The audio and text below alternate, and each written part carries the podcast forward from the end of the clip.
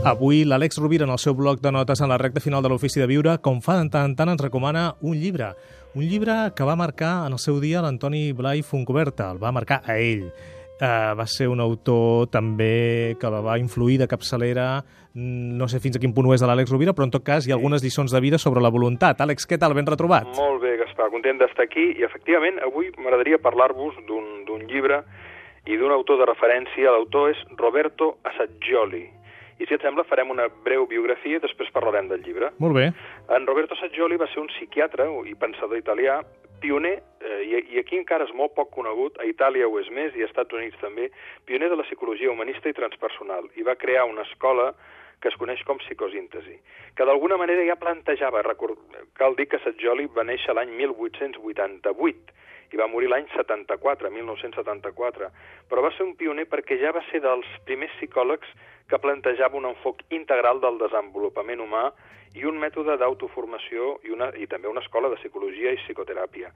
D'alguna manera, la psicosíntesi té un caràcter, un caire holístic eh, de desenvolupament de la persona on la voluntat té eh, un, un paper fonamental. I Assagioli, de fet, va definir, eh, i sobre això va el seu llibre que recomano, que es diu L'acte de voluntat, que per cert potser serà difícil de trobar si no anem a, una, a, un, a un llibreter vell que encara en guardi, però és un llibre extraordinari on eh, parla de les qualitats de la voluntat i com conrear-la, però diu que, evidentment, per entrenar la voluntat el que cal és tenir una idea clara de les seves qualitats i aleshores les podrem abocar en la proporció i de la manera adequada que requereix la situació.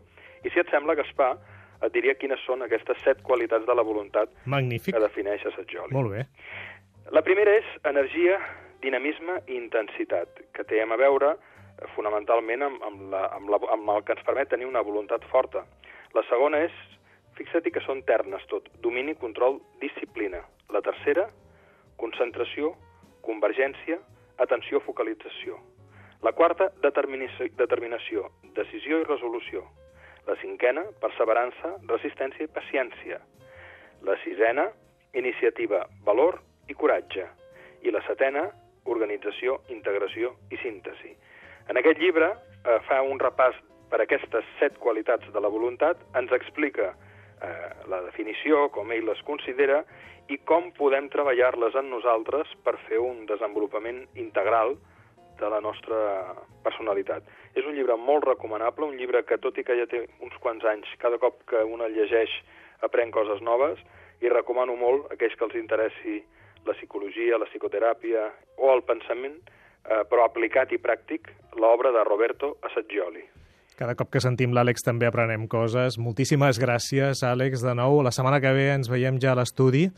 Eh, que vagi molt bé, que tinguis molt bona setmana. Una abraçada forta. Una abraçada. Als oients també, una forta abraçada.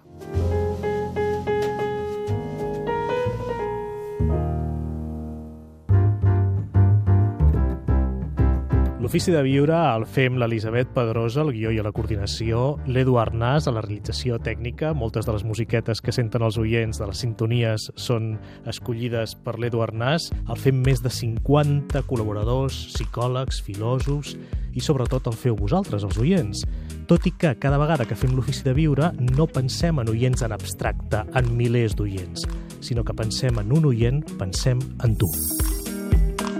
Feu podcasting allà on aneu amb l'Ofici de Viure. Al web catradio.cat teniu tots els Ofici de Viure mesos a la vostra disposició per escoltar sempre que vulgueu. L'Ofici de Viure amb Gaspar Hernández. Un programa sobre conducta humana.